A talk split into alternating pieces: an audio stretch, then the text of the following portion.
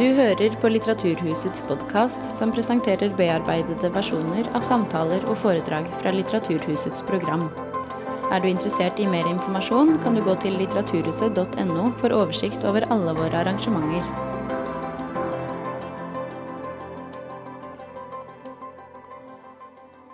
Velkommen til kveldens samtale, som vi har kalt Klassereisens pris. Mitt navn er Susanne Kalutza, og jeg er leder her på Litteraturhuset. Aller først må jeg si at Sashia Majid dessverre er blitt syk, så vi får ikke den annonserte innledningen fra henne. Men heldigvis har vi både Sishan Shakar og Mustafa Jan med oss her i kveld.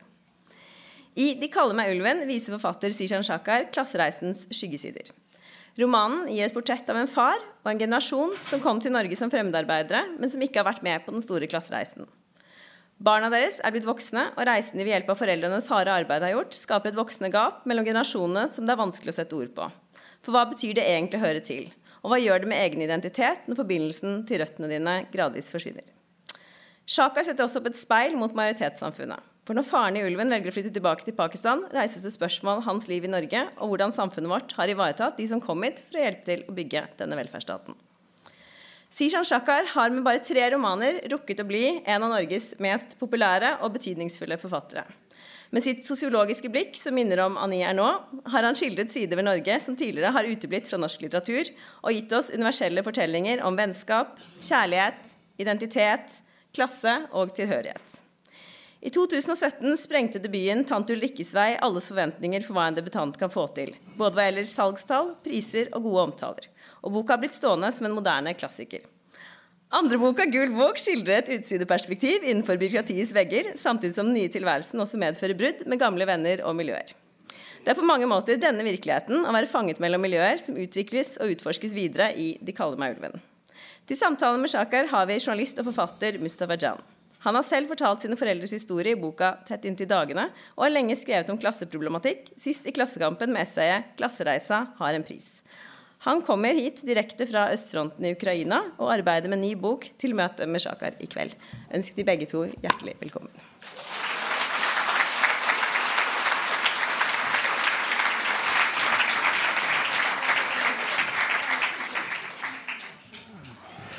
Ja, du har ju nästan berättat om vad boken handlar om, Susanne. Så, men jag ska ändå ge, ge en kort, eh, väldigt kort resumé som ramberättelsen så att ni vet.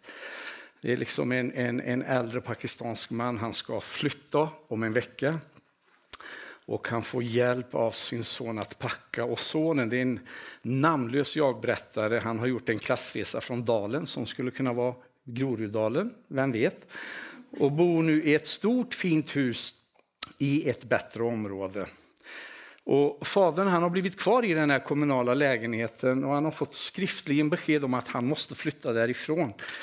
Men fadern som är frånskild, förtidspensionär, bruten axel, nu opererad hjärta, han vill inte flytta. Så han bokar en enkelbiljett tillbaka till där han kommer ifrån, till Lahore i Pakistan. Så har vi också modern som är dotter till nordnorska arbetare. Och hon, hon har också något skede i livet, inser man i boken. Då. Människan ser bakåt och inte framåt i tiden. Hon söker också sina rötter i Finnmarka. Och medan sonen hjälper fadern att packa så blir han påmind om hur lite föräldrarna lämnar efter sig. Det är ingen hytte, Rishan. Det är inget hus, inga saker av världen, inga fysiska spår, inte ens en ringklocka med deras namn på. Ingenting förutom minnen och berättelser. Jag måste säga att det är en väldigt vackert upplagt. måste jag säga. Men innan vi dyker in i De kallar mig Ulven, då, som den senaste romanen heter, så det började med Tant Ulrikes väg som du var inne på. Sen så kom Gul bok och så nu då De kallar mig Ulven.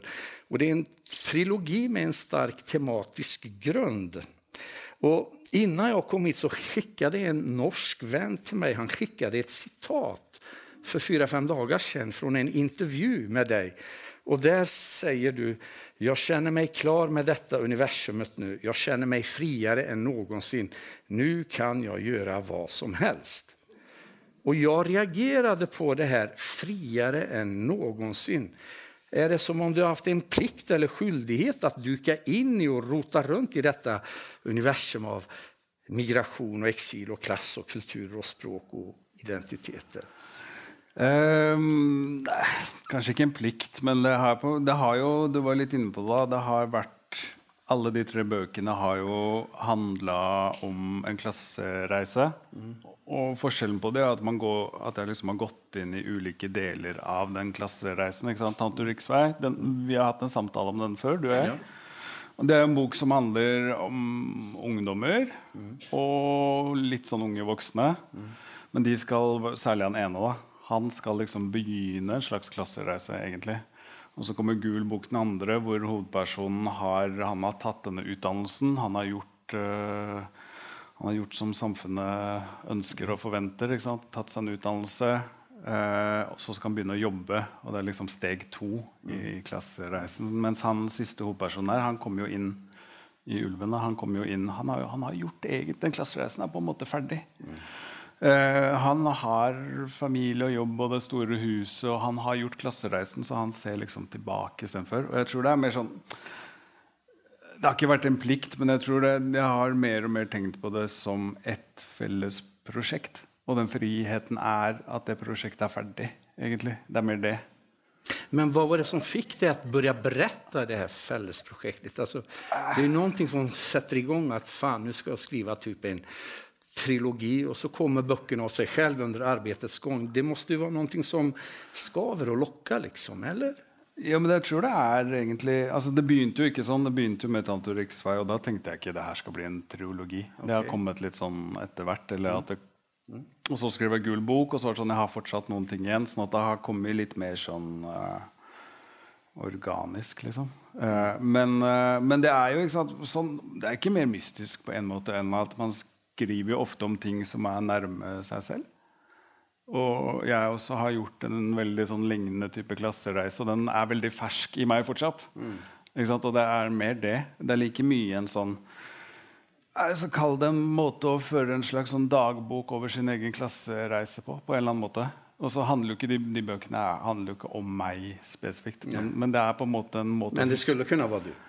Altså, Det er varianter av meg sjøl, selv, selvfølgelig. Liksom. Så det er på en måte en sånn det blir sånn litterær klisjé, og vi snakka på bakrommet. Vi skal ikke snakke om litterære klisjeer. Nei, det skal vi ikke gjøre. Men, men, men det skal sånn vi ikke gjøre. Men jeg tenker bare det, så ja. det, det er noe som får deg til å begynne å skrive tant Ulrike. Er är det at ja, men jeg har en historie å berätta jeg med? Eller? Ja, ja, det var absolutt et element av det. Det var et element av Altså egentlig to ting. da. Det ene var et element av akkurat det du sier. At vi kommer fra et sted som har blitt fortalt masse historier om i media. sant? Og du har lest, Jeg har vokst opp med å lese om meg selv hele tiden. Jeg har fantes i en hel haug av tekster, men de har alltid vært i avisene og på, på nyhetssendinger. Mm. Men veldig sjelden i bøker. Mm. Og veldig sjelden skrevet av noen som ligna på meg. Mm. Sånn at eh, litt av den med Tante Riksvei så var det jo helt klart en sånn akt aktivistisk eller mer en sånn nå skal, ut, nå skal vi fortelle våre egne historier på egne premisser. Mm. Så det, det, var det et element Og Så var det også et element at da var jeg rundt 30, det er ti år siden, mm.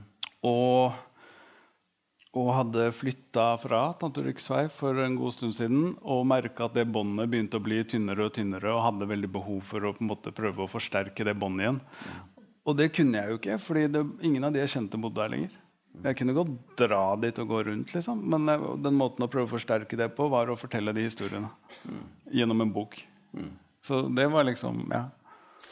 Og eh, responsen måste man jo si at du har lyckats med. 170 000 solgte, en modern klassiker, sa Susanne. Att komma liksom från en arbetarklass, alltså Eh, med, med migrantföräldrar som med, sliter ut sine kroppar. Og her sitter du. Ja, og det er fullsatt og det finns inga biljetter kvar og det er till och med streamat. Er, det, er den kontrasten stor? Kan du handskas med den kontrasten? Liksom? Nei, men altså som Art imitates life, eller life imitates art. I dag så var jeg i leiligheten til faren min. Ja. Tok T-banen langt ut, helt øst i Oslo. Ja. Og dro til den lille, ganske lille leiligheten fordi han har et veldig gammelt kjøkken. Så jeg må pusse opp kjøkkenet hans. og da, sant, da tok T-banen, og så er T-banen tilbake hit, og så sitter jeg på en måte her nå, og det er jo en sånn eh, Det er jo en Jeg slutter ikke å bli på en måte overraska over avstanden, hvis du skjønner hva jeg mener. Ja. Selv om den fysisk så er det ikke så langt. Nei. Det er liksom en T-banelinje. Men, eh, men, eh, men eh, ja.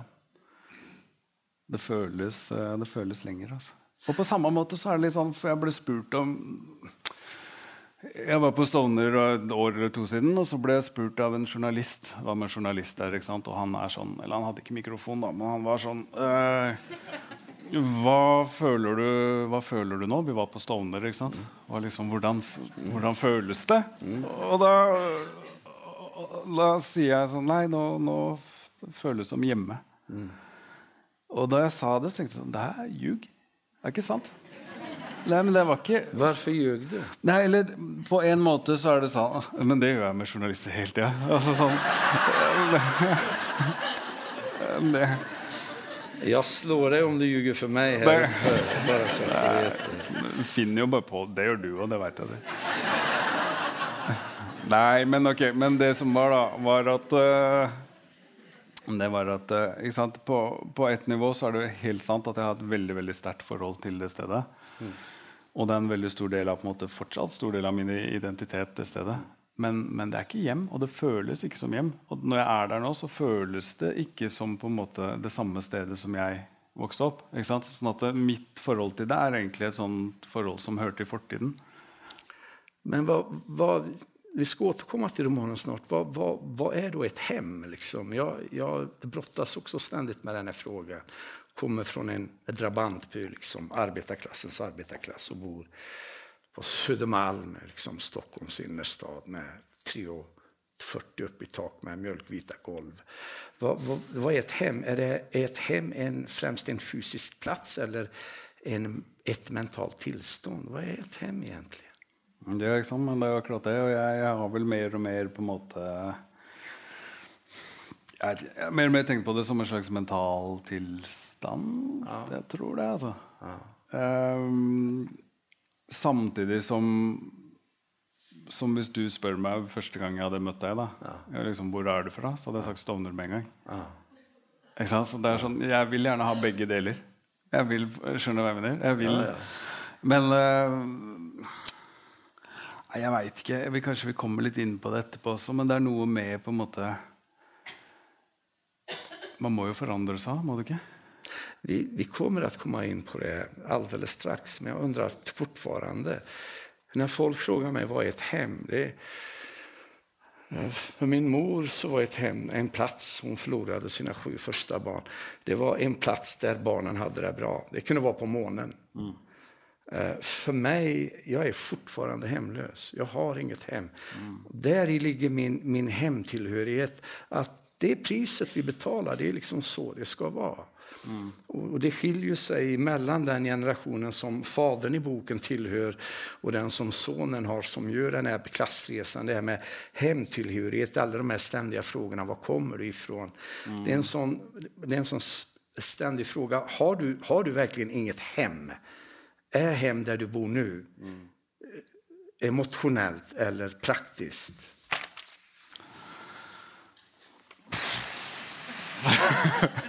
Nei, men du, du nei, jeg puster tungt fordi du toucher liksom Det her er sånne ting jeg driver og baler med hele tiden. på en måte.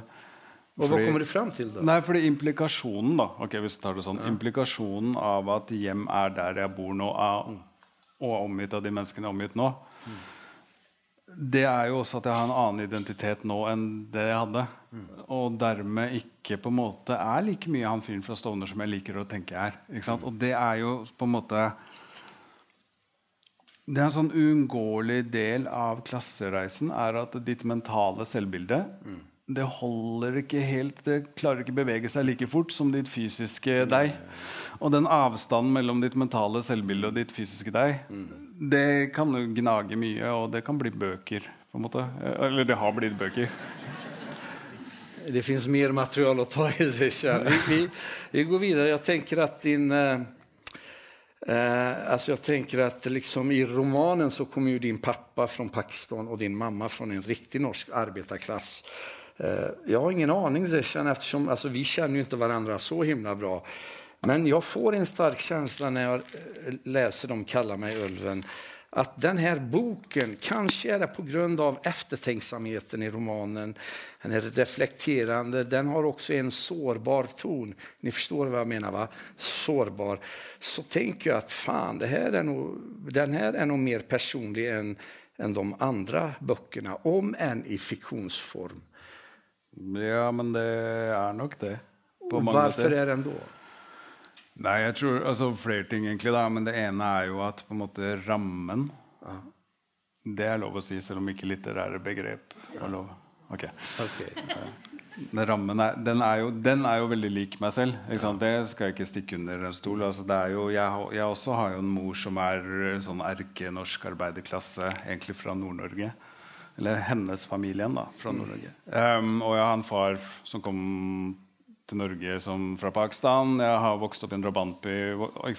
Veldig mye av det er jo Så det er jo utvilsomt på en måte um, Mye mer personlig, ja, det har du rett i, enn de to andre bøkene. Det er det. Um, og kanskje en litt sånn modningsgreie også. Altså, på en måte. At uh, liksom, Man blir jo eldre og man begynner å tenke over flere ting. Og denne boka her der de to andre bøkene veldig sånn, ser veldig framover. Mm. Hovedpersonene er veldig framoverretta. De skal klatre. I hvert mm. fall noen av de. Mm. Eh, så er jo han hovedpersonen her Han ser jo nesten bare tilbake. Mm. Nesten. Even om ulven han vil ha allting, han vil liksom ja, framover. så, det, så strekker tankene seg bakåt i tiden. Men jeg tenker også eh, alltså, Du og jeg vi har jo tilgang til scenen her. Kolla, det er masse folk som har har de betalat pengar för att komma ja. hit? Ja, ja. De, de, kommer hit och de lyssnar på oss och vi har ljuset på oss och vi har mikrofonerna. Och vi hyllas väl också kan jag tänka mig och för att vi skildrar det här tillståndet mellan olika världar, utmaningarna, ansträngningarna, drömmarna, krockarna. Det är ju tidlösa ämnen, det är ämnen som är lika gamla som mänsklighetens kollektiva minne. Samtidigt så blir vi ju också, med eller mot vår vilja, så blir vi är liksom talesmän för de som inte har någon röst, nämligen våra föräldrar. Och jag tänker liksom i roman, teater eller filmform så är det vi som tolkar deras drömmar, mm. deras liv, deras längtan och deras strävan att skänka oss ett bättre liv än de hade. Har tanken slagit dig att om de, alltså våra föräldrar, eller om den namnlöse jag-berättelsen mm. förälder, hade haft tiden och möjligheten och makten över språket att skriva romaner som du gör, hur hade böckerna blivit? Ja, det, er også, det har jeg faktisk tenkt mye på. Jeg vet ikke, Faren min er jævlig glad i sånn actionfilm. Så han er sånn Sylvester Stallone-historie. Okay. Det er det det hadde blitt. Um, Mora mi er mer ja, Det hadde blitt veldig sånn nedpå, tror jeg. Det hadde vært en sånn Erin Brockovich. Ja.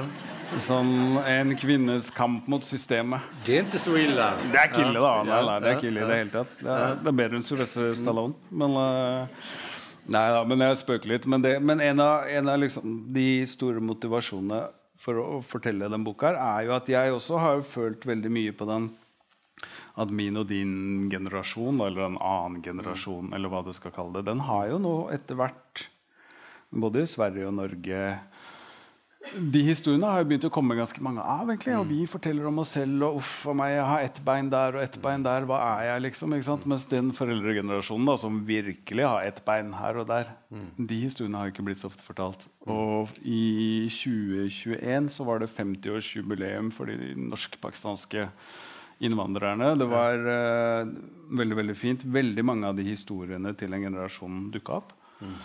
Um, og veldig mye som, som, Norge og de selv kan være stolt av. Altså, det er sånn, her kommer man, Du kjenner historien med to tomme hender omtrent. Mm. Jobber på fabrikken, sparer penger, kjøper leiligheten i indre by. Mm. Selger den, flytter til en villa på Skedsmokorset. Liksom.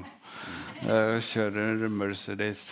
Men uh, og, og, liksom, og barna er uh, leger og ingeniører. Og, og det, man skal være stolt av det. Liksom. Men jeg husker jeg satt og hørte på de historiene og så tenkte jeg samtidig sånn Det her er jo seierherrenes historie i veldig stor grad. Hvor er alle de som kom fra, om det er fra Kurdistan eller fra Pakistan eller fra India eller Marokko eller hvor enn, liksom, Alle de som kom, mm. som, som, ikke endte på en villa. Mm. I en villa uh, på Skedsmokorset. De historiene er jo De syns ikke. De er borte. Mm. De er ikke fortalt. Og den historien, den boka er på mange måter en, det er en sånn historie om en sånn person som kom. Um, jeg liker ikke å bruke sånne ord som sånn lykkes eller ikke lykkes, men jeg tipper at han ikke oppfylte alle de drømmene han hadde. Da. Det er jeg ganske sikker på. Mm. Men det fins også samtidig, även om det ikke er uttalt i boken, och även om, om jag tar steget utifrån romanformen när vi betraktar verkligheten, alla de människor jag har träffat, liksom, alltså den generationen. Ja, de har lyckats. Det är segerherrarna. Och samtidigt så finns det en extrem existentiell ensamhet och mm. tomhet. Mm. Vi klättrar på deras ryggar, på deras kroppar. Liksom. Du, du säger inte uttalat i boken, men det ligger och vibrerar där. Liksom. Det är ett enormt pris de har betalat. Ja, og en sånn pris som jeg i hvert fall for min egen del kanskje, og sikkert, sikkert du òg, jeg tror ikke så. Eller i hvert fall det tok noen år før jeg på en måte så den. Det tok veldig lang tid. Jeg så den dårlige norsken, på en måte. Jeg så hvordan man ble behandla i arbeidslivet, og jeg så alt det der, men jeg så på en måte ikke Og veldig mye av den boka handler jo også om at han hovedpersonen er på den ene siden så er han litt sånn Jeg vil ikke si han er bitter på faren ikke men han skulle ønske han hadde fått til mer, på en eller annen måte. da, ikke sant? Det er mer sånn han, um, Samtidig som han på et eller annet tidspunkt også erkjenner at den reisen han har gjort, den der klassereisen som på en måte hovedpersonen har gjort, er jo ingenting i forhold, i forhold til det han faren har. da. Mm. Um, ja. Ja. ja. Jeg måtte bare det, tenke. Det blir neste roman. Den ja. existentiella tomheten og ensamheten for den generasjonen. Jeg ja. at Å være vara författare det jo også å kunne forsøke å leve seg inn i sine karakterers värld og kunne leke med olika stemmer og känslor. Du har jo ganske mye gratis når det kommer til sonens stemme, det måste man ju ändå säga. Lite grann i alla fall. Men jeg tenkte faderns stemme i romanen Kom den stämman till dig väldigt naturligt eller var det någonting som kom under att du tänkte att fan här finns det något och så kom den undervägs, hans stämma? Liksom. Ja, nej, med en gång. Den kom med en gång. Ja. Varför då? Jeg tror både stemmen sånn, sånn, fysisk, på en måte språket, som er den der blandingen av urdu, norsk og engelsk liksom, mm. som, ja, Sånn er det Sånn sett er jeg på en måte heldig, da, kan si. men jeg har jo vokst opp med halvt om halvt. sånn at Det naturlige språket moren og faren min da snakka mm. hjemme før, før, vi ble født, da de ble kjent, var engelsk. Mm. Faren min var fortsatt ganske dårlig i norsk. Ja. Moren min kunne ikke snakke urdu. Så det ble liksom engelsk. sånn at de to bevarte jo ofte ganske mye sånn engelsk seg imellom. Og faren min har liksom bevart det til den dag i dag. Så de språkene jeg på en måte vokst opp med, er sånn veldig sånn østkant. Mm. Oslo østkant-norsk. Sånn banan liksom, og appelsin og en klasse sånn, Ingen snakker sånn lenger. Den er på en måte fada ut. Og, og, faren min sin litt sånn blanding av uh, engelsk, norsk og urdu. sånn at de språkene er på en måte Jeg trengte ikke bruke så mye krefter på det, egentlig. Altså, mm. Kan man si. Men, uh, og det kan være jævlig morsomt òg. Mm. Kjempemorsomt. Men den här stämman, du hadde liksom hva ja. vad du forestilte deg at din pappa eller dina kompisers pappor eller romankarakterers ja, pappa. Ja, ja, liksom. det ligger på en måte i Det ligger lagret mellom revbenen liksom. Ja, ja, ja. ja. Den, ha, har din pappa lest boken? Nei, han har ikke lest noen av bøkene. Han, uh, eller liksom, kanskje han, Nei, jeg tror ikke det. Han uh, leser ikke sånn kjempemye. Han leser jo, min Faren min på ordentlig også, som han hovedpersonen i boka, leser jo sånn derre uh, som heter novels, liksom, på urdu-engelsk, eller digests. Som er sånne små hefter sånn som du kan kjøpe på Rema 1000. Dette har du sett med sånne vakre kvinner og sånn mann med pistol. Sånn leser han jævlig mye. Og det Men det har du aldri tenkt Min, min pappa er jo analfabet. Han, han kan ikke lese. Han er semi... Han, han har ikke kunnet lese noe som jeg har skrevet. Har du ikke, har du ikke tenkt på om, om när min far i stedet for de her Rema 1000-novellerna skulle lese dine tre bøker? Hva, ja. hva faen skulle han tenke? Jeg håper han ikke gjør det. Altså. Jeg håper faen. Jeg håper ikke det. Jeg skal ringe honom imorgon og si börja lese böckerna. Hva vet vi om de er foreldrene? Hva lämnar de efter seg til sine barn og barnbarn når de forsvinner? Hva fører de videre? Hva er verdt å føre videre fra generasjon til generasjon? Det er frågor som virkelig vibrerer mellom radene i denne romanen. Og Det får meg å tenke på et sitat i boken. Det står Jeg går, ursäkta min norska, jeg går i minnebanken og tar ut forskudd på arv. Ting jeg husker, ting jeg ikke engang vet om de tenkte på eller mente. Hvilken rolle spiller det? Hvem kjenner arven best? De som gir meg den, eller jeg som tar imot? Så hvem er det da som kjenner arven best? Um, den som tar imot. Hvorfor da? Nei, jeg veit ikke. Nei, jeg tror, jeg, tror ikke, jeg tror, ikke, det er på en måte Jeg tror ikke det er det samme, på en måte. Mm. Det, det, er, det, er, litt forskjellig for den som tar det imot, og den som, som gir det. Um, og jeg tror en av de tinga jeg har oppdaga selv jo når jeg er blitt eldre òg, og det er hvor vanskelig det er å overføre sånn type arv fra en generasjon til en annen. Mm. Kjempevanskelig. Mm. Han, hovedpersonen i boka da, han, han bare prøver å grabbe til seg så mye som mulig mens han har sjansen. Mm. Og fyller seg ulven blir stor og mett, holdt jeg på å si. Ikke sant? Og så sitter jo han også litt med spørsmål men hva skal jeg egentlig gjøre med alt det her? Skal du liksom, Hvordan overfører du det til dine egne barn? da? Mm. Og ta språk som eksempel. Eh, snakker dine barn eh, kurdisk? Ja, eldste har jeg mistet, ja, men de yngste, ja. Jeg, Gjør du det? Ja, jeg pratar ja. konstant. Og min fru som er spansk-svenska, hun, hun pratar bare spansk. Så ja. de, fyraåringen prater flytende spansk. Ja, men da veit du hvor vanskelig det er. Eller vanskelig, men hvor konsekvent man må være. da, ikke sant? Og det er på en måte sånn, sånn som han hovedpersonen i boka som, Det er han litt bitter på, denne faren. Hvorfor har ikke han lært meg mer urdu? og sånn, ikke sant? Mm. Eller mer fra Koranen, f.eks. Eller om islam. da. Ja. Hvorfor han ikke lært meg mer? liksom Og så snur han seg og ser på sin egen datter, på hva han har lært henne. Oi, shit. Ingenting i Og det er vanskelig. Altså. Det er vanskelig liksom å overføre en arv. Det er litt sånn um, Som den der barneleken hvor du har masse sand i hånda, og så kaster du det opp. Ja. Hvor mye har jeg igjen? Og hvor flere ganger du kaster, jo mindre og mm. annerledes blir det. på en måte. Det, det er jo det är ju en förlust som känns liksom, när jag läser boken. Efter ett ställe där du börjar med Jag blev överrumplad de få gångerna han plötsligt var lusvåken, plötsligt ville starta upp hemmaundervisningen igen. Och så räknar du upp en massa olika grejer i romanen. Och så står det det är mer än jag har lärt Mariam. Mariam är då huvudpersonens, mm. huvudpersonens son. När du skrev de här raderna, vad, vad, vad nu låter det som en så här eh, hänt, i veckan, vad heter de här skvallertidningarna i Norge? Med? Hänt i veckan, Hänt extra. Ja, men så, i det här fallet så tycker jag den är befogad. Vad, vad, kände du när du skrev den här passagen? För det, det, det är ju li, lite spökligt likt ditt eget liv, liksom. Nei, men det var, det var, akkurat det, det var akkurat det som vi, vi snakka om nå, som var den der følelsen av hvor lett det er på en måte å legge skyld oppover. Og hvor vanskelig det er å, å, å, å gjøre det samme nedover da, til, de, til, dine egne barn. Det med språk. Og jeg, har til og med, jeg er eh, gift med en som er eh, norsk-pakistaner. Mm. Men likevel er det vanskelig. liksom, og Vi snakker jo ikke mye urdu hjemme. Eller, og det er liksom, det er noe med jeg vet ikke, det er den erkjennelsen av hvor vanskelig det er. da. Um, men så er det jo Ja.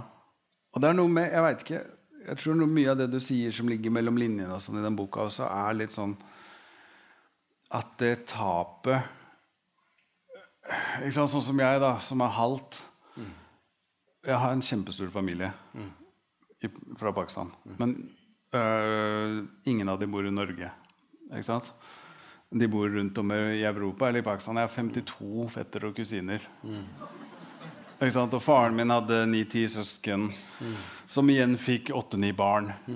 Hele greia, liksom. Men her i Norge så er det broren min, faren min og jeg. liksom. Og den portalen han da blir Ganske unikt da, liksom, for meg hvor viktig den portalen har vært som en inngang, ikke bare til liksom, han selv, selvfølgelig, men til, til et helt land. liksom, Med mange hundre millioner, til en hel kultur, til en hel religion.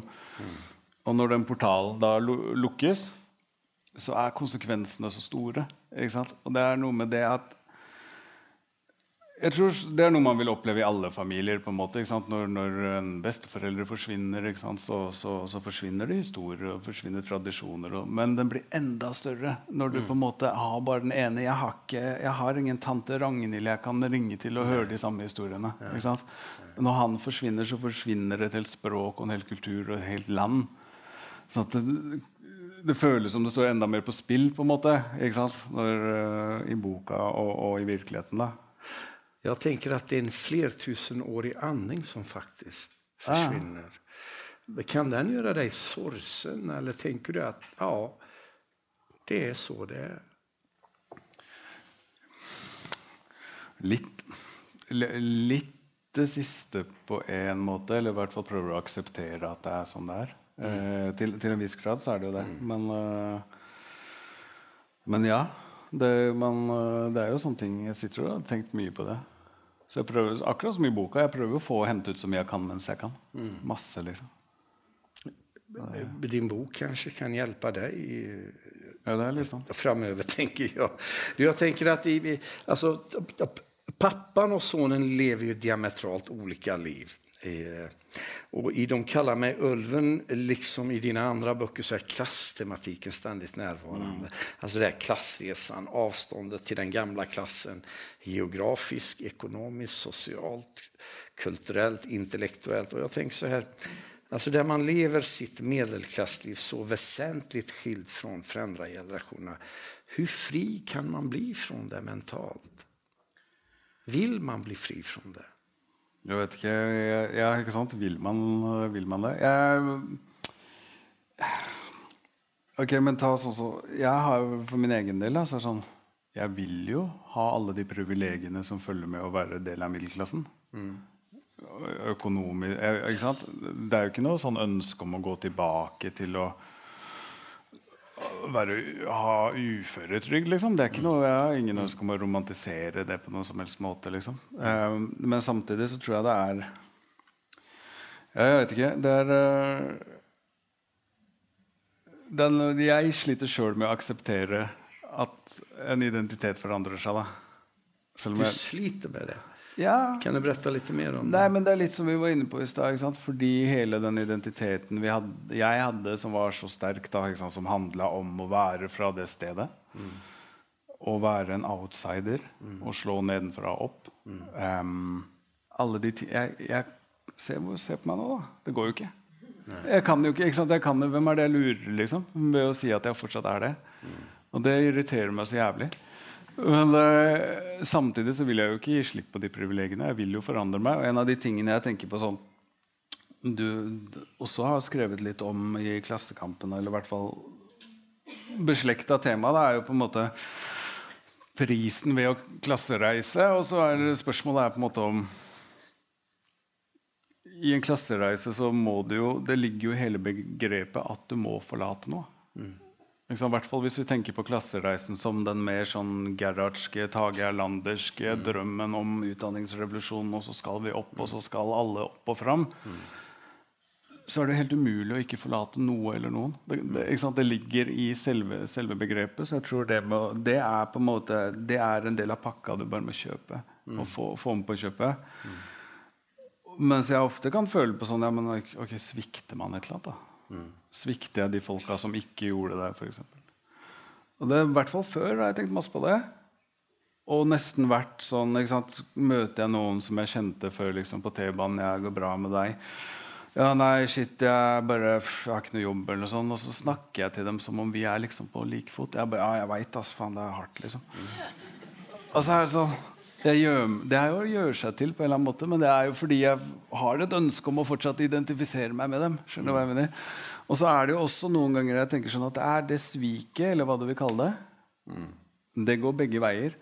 Fordi de du reiser fra Det er helt umulig å ikke svike dem, fordi de har veldig ofte en forventning om at du er statisk. Du skal være for dem det du var den gangen. Og det er en helt umulig forventning. Jeg kan ikke bygge min på en måte jeg kan ikke bygge mitt livssyn på å skulle være, ikke forandres. Det går ikke. Mm.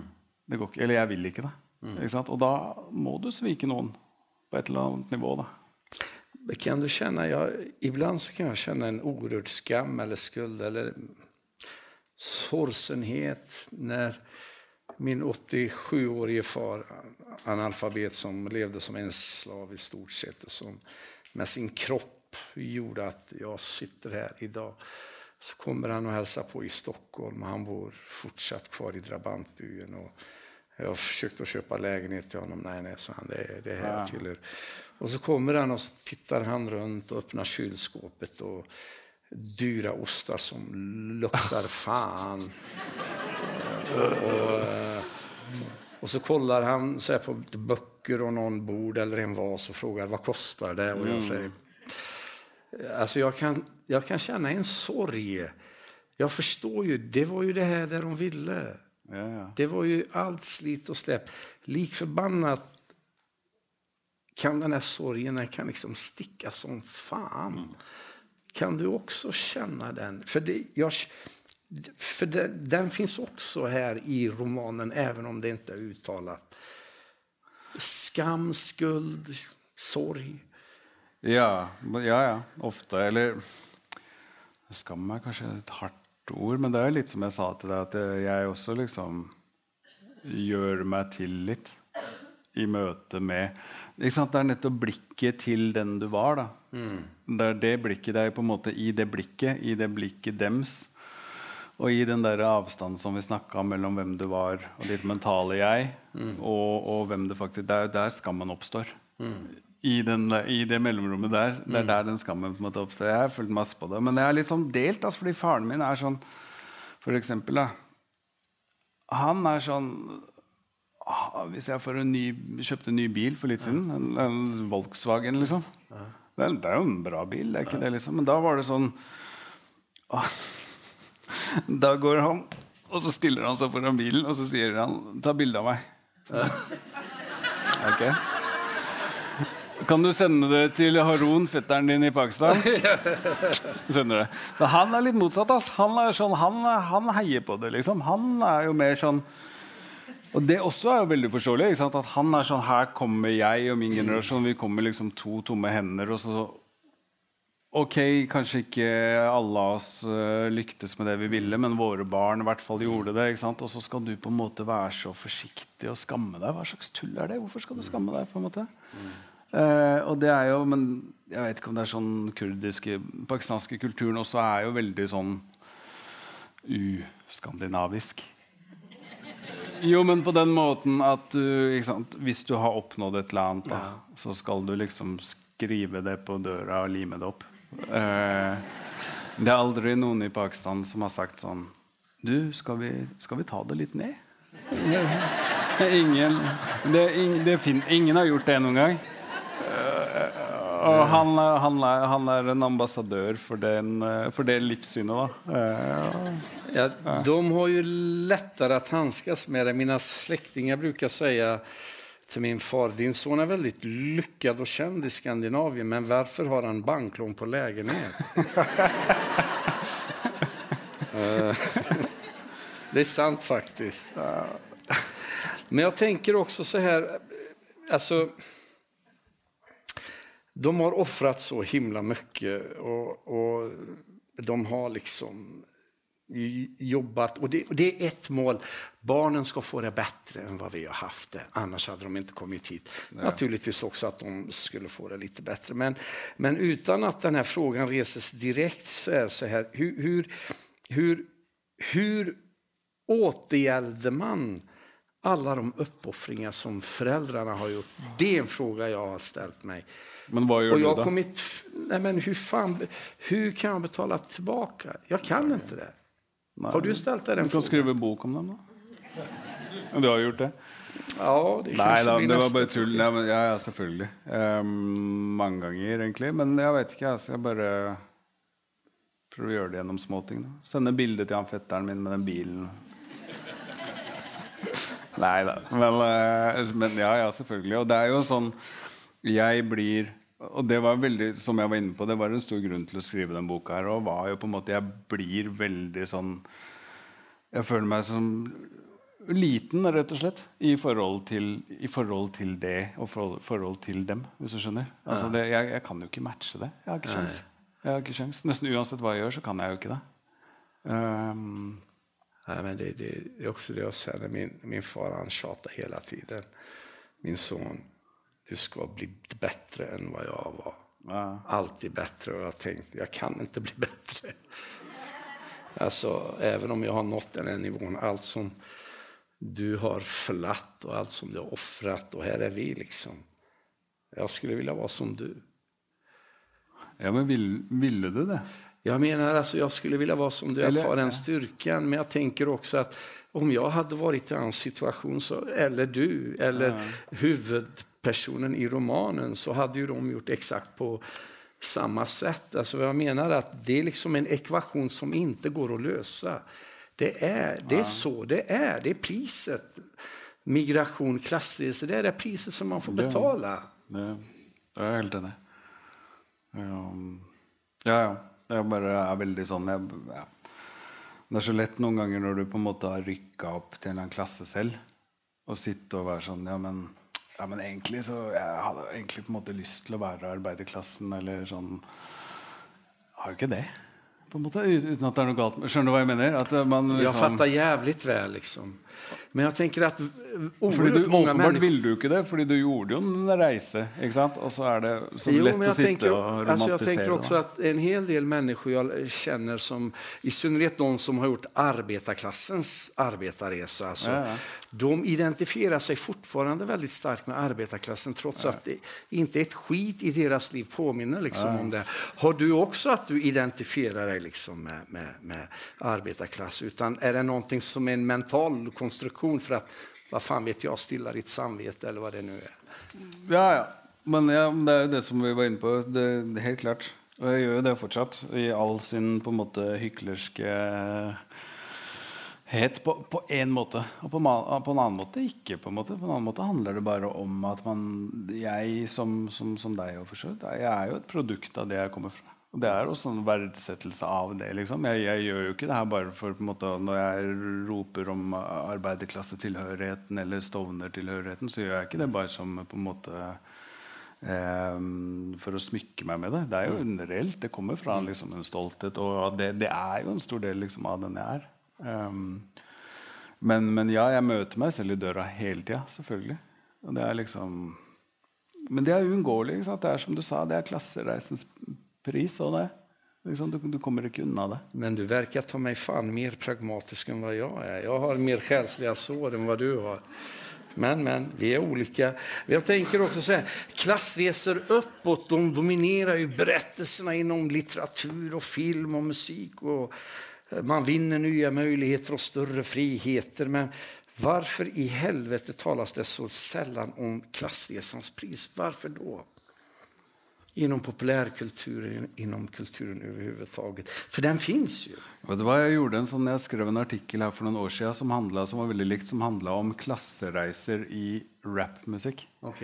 Og der starta det egentlig veldig med Hvis man skal ta det veldig kort, da, så var det sant, da rappmusikken kom for alvor og begynte å slå gjennom og bli mainstream på 90-tallet, så handla det veldig mye om at klassereisen var på en måte den materielle velstanden. ikke sant? Du fikk, Og, og damer, da. Alltid, alltid damer. Eh, og biler og alle de materielle tingene. Men det var veldig liten på en måte refleksjon rundt selve reisen. Det var veldig lite refleksjon rundt hva du hadde tapt. Men så har det plutselig forandra seg. Og nå er det liksom masse masse rappmusikk som har blitt veldig sånn introspektivt og handler nettopp om det. Liksom? Kendrick Lamar eller til og med Kanye West eh, til en viss grad. Men Og det Jeg veit ikke. Jeg tror på en måte så er det veldig det enkle svaret på det er fordi det, klassereisen egner seg så jævlig godt som som populærkulturell historie. på en måte, Og vi, kjenner, vi, har jo hatt den historien for alltid. Mm. Altså, det her er en urhistorie. Mm. Det her er på en måte historien om noen som er bundet av lenker. Mm. Det er stusslig og vondt, og, her, og, så bryter man seg fri, og så slår man seg opp og fram. Det her er jo Jesus. Mm. Det er Moses, og det er Mohammed, og det er Bollywood. Mm. Det, er måte, det, er så, sånn, det er ikke så stort rom da for at uh, Jesus på en måte ser seg rundt og bare ja, men, Problematiserer ja, nei, Han kom seg jo ikke helt i mål, da. Men uh, men Moses, da når han krysser Rødehavet, han brukte jo ikke så mye tid på å problematisere på en måte det han Nei, kom til. Det, ja, ikke sant? Så, så ja uh, Jeg husker ikke hva jeg skal si i svaret på engang. Men uh, Det var underholdende, det du sa, i alle fall. Det, det finns en sak som har irritert meg så jævla mye. Det her med att Stolthet er et begrepp som jeg har reflekterat over.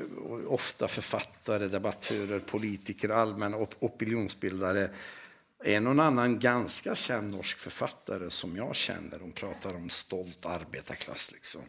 Mm. Jag tänker, vad fan finns det att vara stolt över egentligen? Alltså, att vara ekonomiskt utsatt.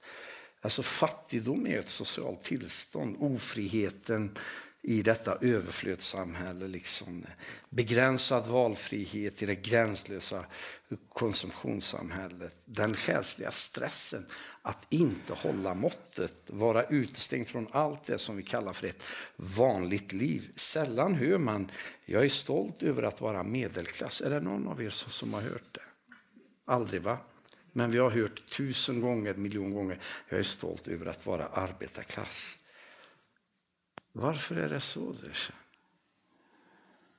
Nei, altså, jeg tror um, det, det, er et godt spørsmål, men det er, jeg tror det er noe med den Du kan trekke en parallell egentlig til på mange måter, da, sånn som måten Stovner-området jeg er fra, ble omtalt. Det var mm. veldig, vi også var veldig, vi er, Jeg har aldri hørt noen liksom, som er fra Kjelsås, bare si, altså, gå med Kjelsås-T-skjorta. Liksom. Mm.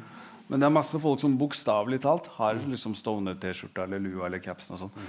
Og det er litt samme effekten, tror jeg. Det handler nok om å på en måte ta eierskap til, til på en måte sin egen, sin egen historie. Og ta, ta all den kritikken som kommer utenfra, og snu den til Alle mennesker har behov for å ha noe å være stolt av. Mm.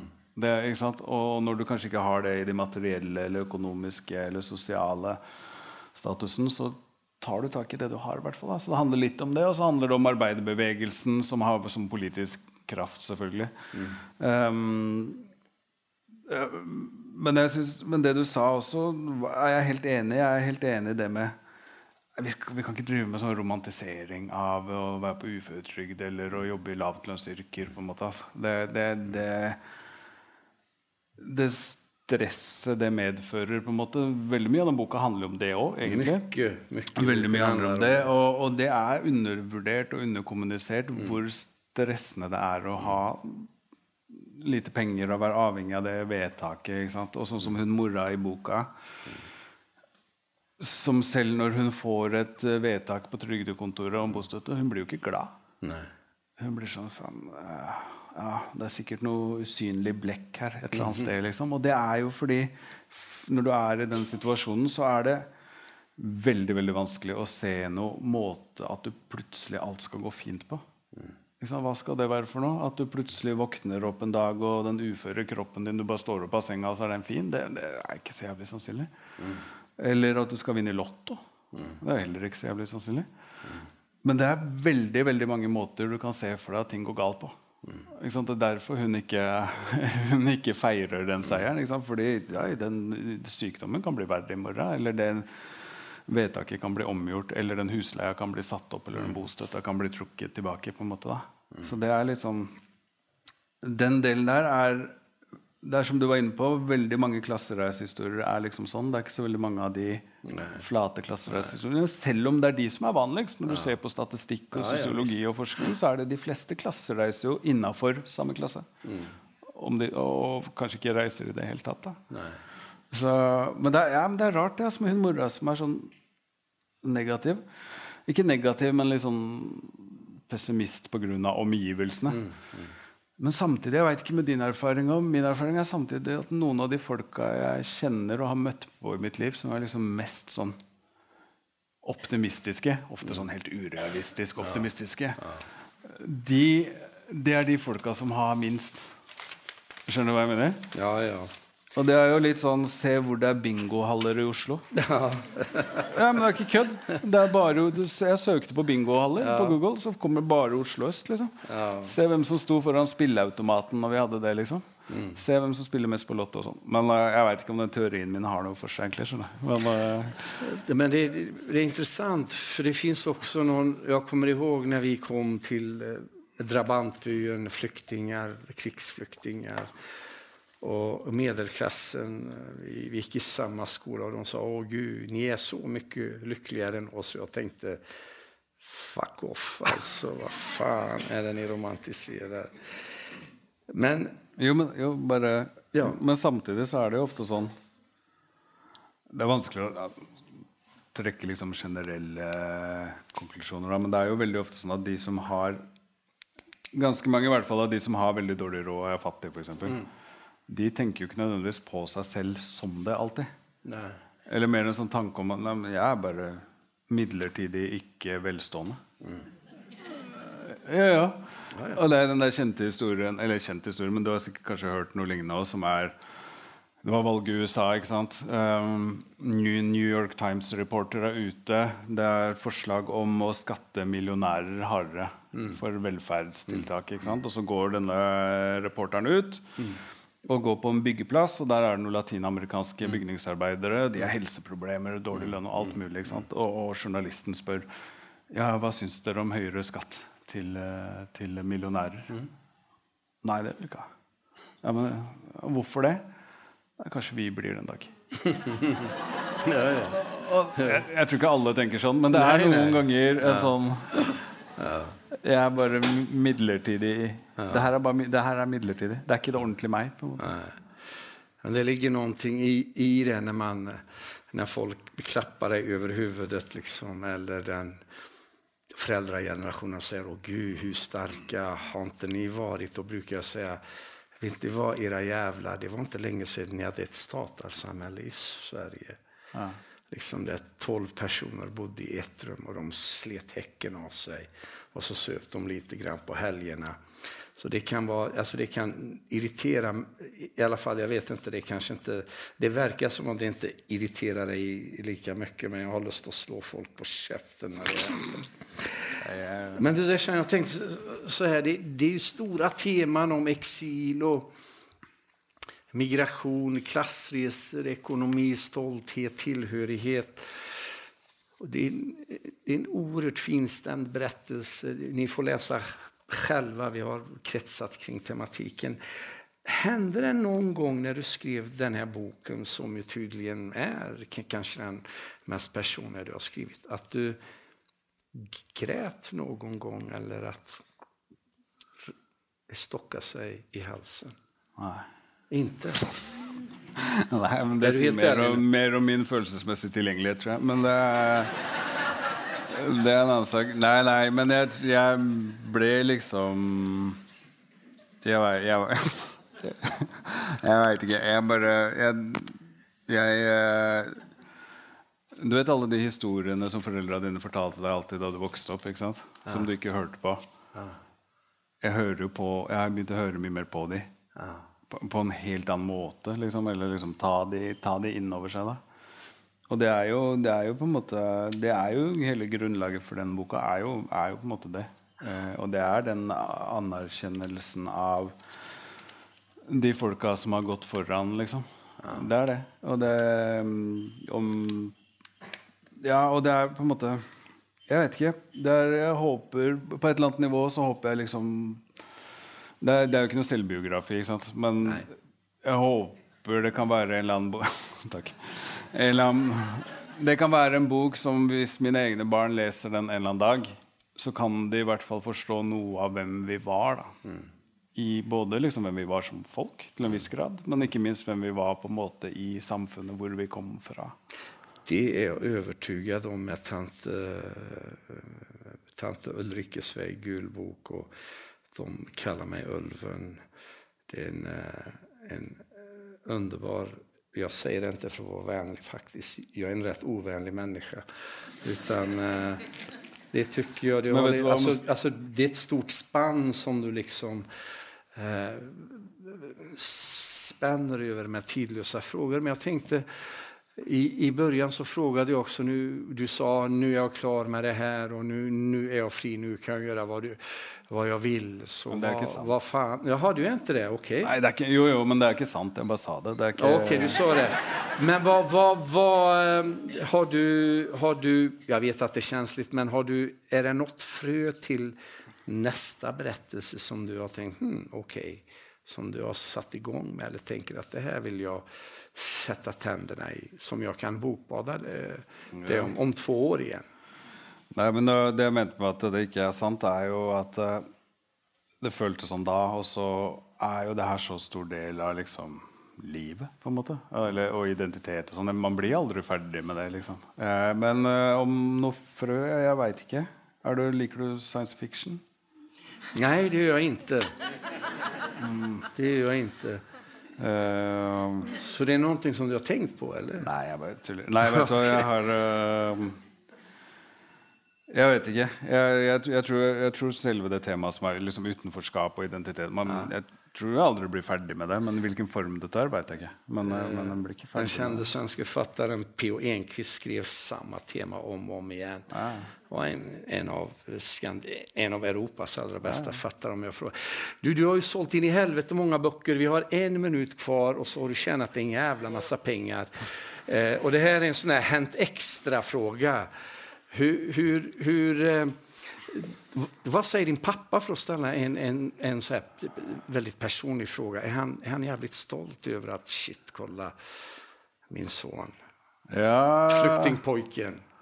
ja, ja, ja, han er det. Men han, øh, han er det. Og han, det er som jeg sa, da, han syns ikke jeg er flink nok til å skryte av det.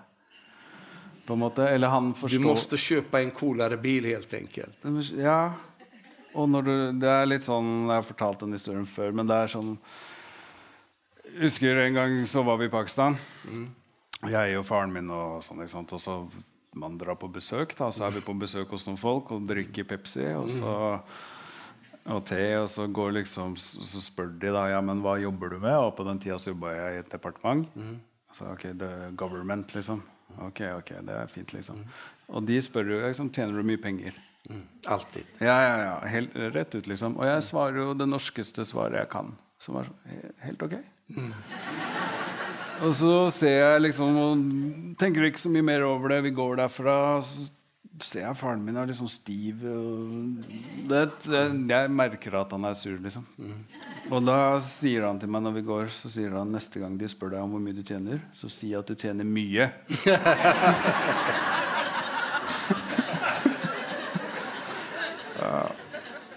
Och det här är väl ett löfte som vi, vi kan bära med oss nu när bokbadet är slutat.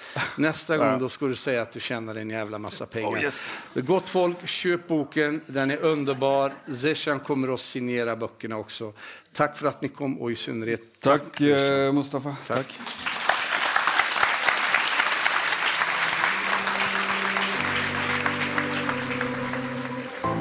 Du har hørt på Litteraturhusets podkast, som presenterer bearbeidede versjoner av samtaler og foredrag fra Litteraturhusets program. Del gjerne podkasten med familie og venner via iTunes eller Soundcloud om du liker det du har hørt. Følg oss også på Facebook og på litteraturhuset.no for informasjon om flere aktuelle arrangementer. Musikken er laget av Apotek.